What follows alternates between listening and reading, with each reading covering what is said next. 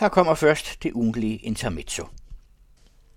De store avisers papirudgave satsede på udbryderkongen, således kaldte politikken den selv erklærede moderate partileder, men må utvivlsomt samme morgen have været graperlige over forsiden. Lykke fortrak til det hus i Månsdals smukke til lejligheden hyrede koncertsalskompleks, hvor de berømte vipspande produceres, og gemte sig i en af dem. Delvis impotent dukkede borgens bedste håndværker op, da han efter et par timer inde lettede låget og smækkede uden at svare på et naturligt spørgsmål bildøren lige i snydeskaftet på stakkels Paul Erik Skrammelsen.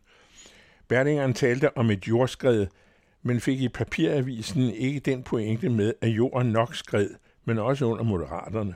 Lykkes projekt gik i baglås. I sejren kendes det storladende, men også i nederlaget. Statsministerkandidat Todd ankom i en mindre bus, sidste strækning til fods iført familien. Hvad Totmund mente om de 90 mandater til rød. Ærgerligt, at vi ikke slap af med Mette Frederiksen om magtfuldkommenheden, sagde den venlige mand utroværdigt vredt. Nu kan man mene om statsministeren, hvad Tot vil, men hendes ansvar er det ikke, at Venstre taber 20 mandater. Siden trøstede Venstreformanden sine jordslåede partifælder, at Venstre har et stærkt bagland. Stærkt og stærkt, når nu halvdelen af folketingsgruppen er ved at pakke flyttekasser. Statsministerkandidat Knold var sur og udstillede årsagerne til de konservatives nederlag i en hundelig afvisning for enden af sin næsetip, alt samvirke med Frederiksen. Tankeløst på en valgaften, mens krydsene på stemmesedlerne endnu er friske, således at lufte sine krænkede følelser over egen utilstrækkelighed. Tot og Knold stod tilbage som dårlige taber, der frem for at gøre noget for landet, ville gøre endnu mere for at diskreditere Mette Frederiksen. Den slags kan være et mål i sig selv, når valgkampen buller. Ikke så lidt bulleret i TV2's ellers beundringsværdige valgaftendækning.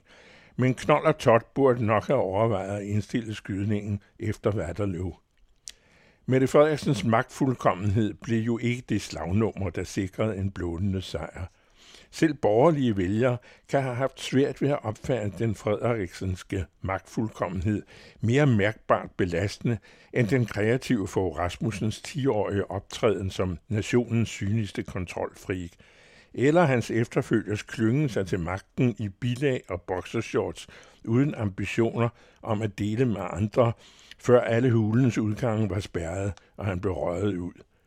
Tonedøv over for politisk anstændighed – fik den ydmygede Løkke Rasmussen lige draget Nordatlantens mandater i tvivl som legitimt parlamentarisk grundlag. Mund han selv i en snæver vending havde afvist at tælle en og anden blå grønlænder eller færing med. Han prøvede i hvert fald. Sagen er nok bare den, at Mette Frederiksen, hvis man altså skal blive ved med at personificere nogen frem for noget, i tirsdags indkasserede den coronadividende, mange kommentatorer talte om, dengang hun svingede sceptret og førte landet sikkert gennem den potentielt farligste epidemi siden den spanske syge. Det er næppe hele forklaringen på Socialdemokratiets fremgang og partiets position som det største i så at sige alle landets kredse. Men i omvendt forstand har ikke så få, også borgerlige vælgere, givetvis i gro set for sig en så farlig krise håndteret alternativt af Knold og Tot eller udbryderkongen, og ikke fundet synet så tillokkende, at de ligefrem ville betro den ene eller den anden af de blå kandidater den forjættede nøgle til Sankt Jørgens gård. Vælgernes hukommelse og fantasi betyder nu og da noget. Vel nok det mest forbløffende, hvordan man en venner og drejer det, er DF's midlertidige overlevelse. Det må man lade bakkesanger Messerschmidt, hans landstækkende ihærdige affekterethed, bare frugt. På trods af Pia Kærsgaards adfærd og store huller under vandlingen, varpede formanden partiet til kejs og kan fuldbringe forliset næste gang. Støjbergs parti klarede sig, men ikke overvældende. Igen er det vælgerhukommelsen, der kan have spillet den straffede partileder et pus. Udsigt til en ministerpost på baggrund af den nylig afsonede fængselsdom var for meget for retsfølelsen. Som for og kollega Lykkes er alene navnet Danmarksdemokraternes mandater af reel ringe betydning. Støjbergs hold af gamle levebrøds DF'er kan risikere at få hjemvej, når resterne af det parti, den dag formanden igen skal i retten for dokumentfalsk og bedrageri og Kærsgaard er gået i spåner, måske igen viser sig som en trods alt mere stabil platform end den nedgroede egocentriske hævngærighed, der skabte liste E. Nogen nem gang på jorden får aktørerne i det danske landspolitiske miljø ikke. Heller ikke for dem med 90 mandater i ryggen.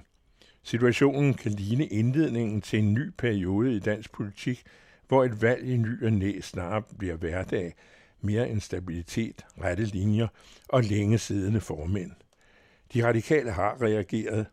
Et af de blå partier bliver nok nødt til at tage en borgerlig samtale med Knold. I hørte Georg Metz med hans ugentlige intermezzo. Altid her på den anden radio og hver fredag i Information.